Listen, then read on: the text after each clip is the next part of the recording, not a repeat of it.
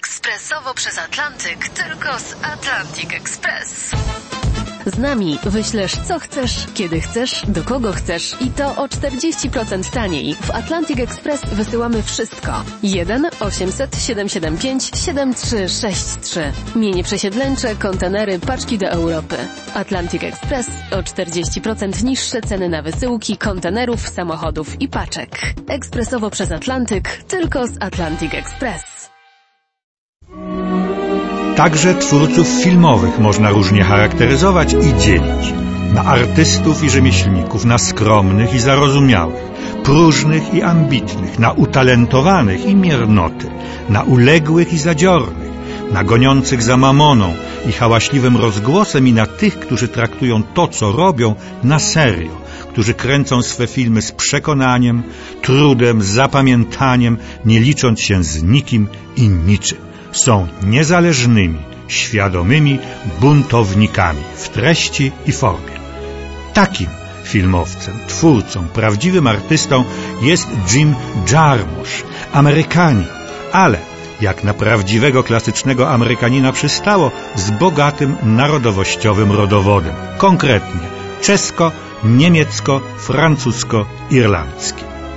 Nie tak dawno temu oglądaliśmy na ekranach jego ostatni, jak na razie oczywiście, film Broken Flowers, złamane, zniszczone kwiaty.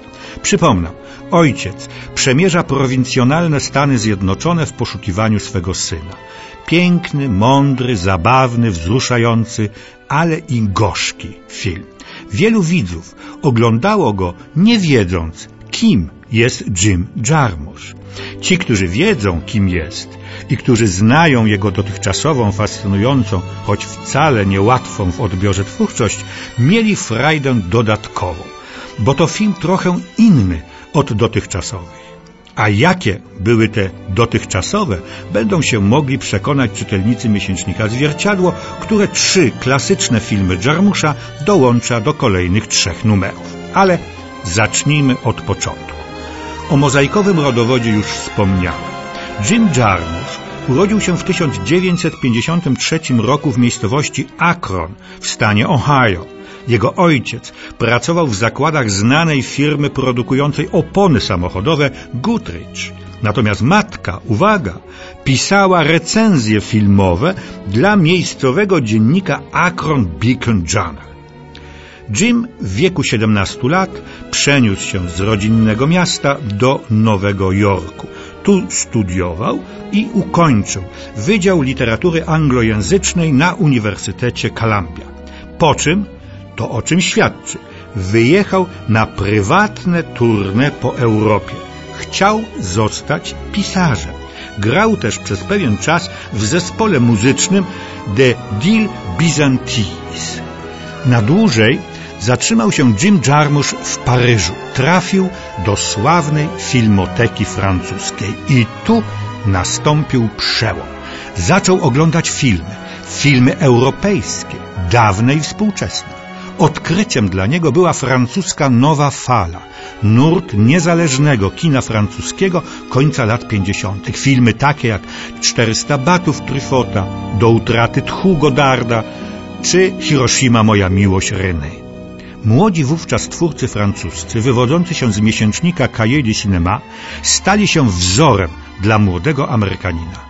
Tak jak oni, postanowił przeciwstawić się tradycyjnemu, skostniałemu, banalnemu filmowi komercyjnemu, dyktatowi producentów i właścicieli wielkich wytwórni, obowiązującym sposobom i ideom robienia filmów. Wrócił do Nowego Jorku i w 1976 roku przyjęty został do filmowej Tisch School of Arts. Niestety naukę musiał po dwóch latach przerwać z prozaicznych, finansowych powodów. Pracę w filmie rozpoczął jako asystent znanego reżysera niemieckiego Wima Wendersa.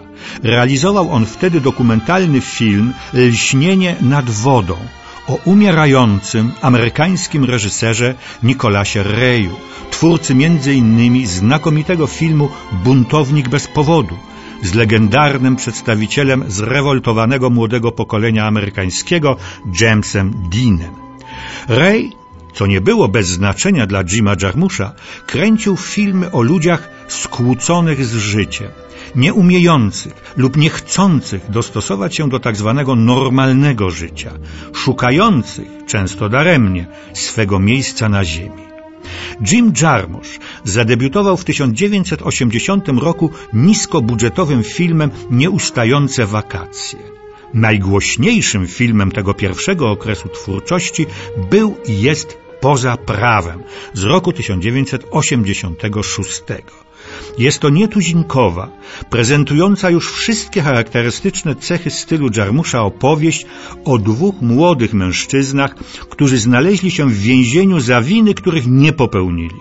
W celi zastają ekscentrycznego optymistę Włocha, który wprawdzie niezbyt sprawnie włada językiem angielskim, za to zna wielce użyteczne sposoby ucieczki. Losy tej trójki stanowią treść filmu. Filmu pozbawionego dramatycznych wydarzeń oraz klasycznej akcji. Co więcej, ta na ekranie toczy się w najbardziej nieefektownych miejscach. Bohaterowie, skłóceni ze światem, nie potrafią się nigdzie znaleźć. Uciekają, ale tak naprawdę dryfują. Nikt im nie pomaga, choć na dobrą sprawę i oni nie bardzo jakiejś pomocy oczekują.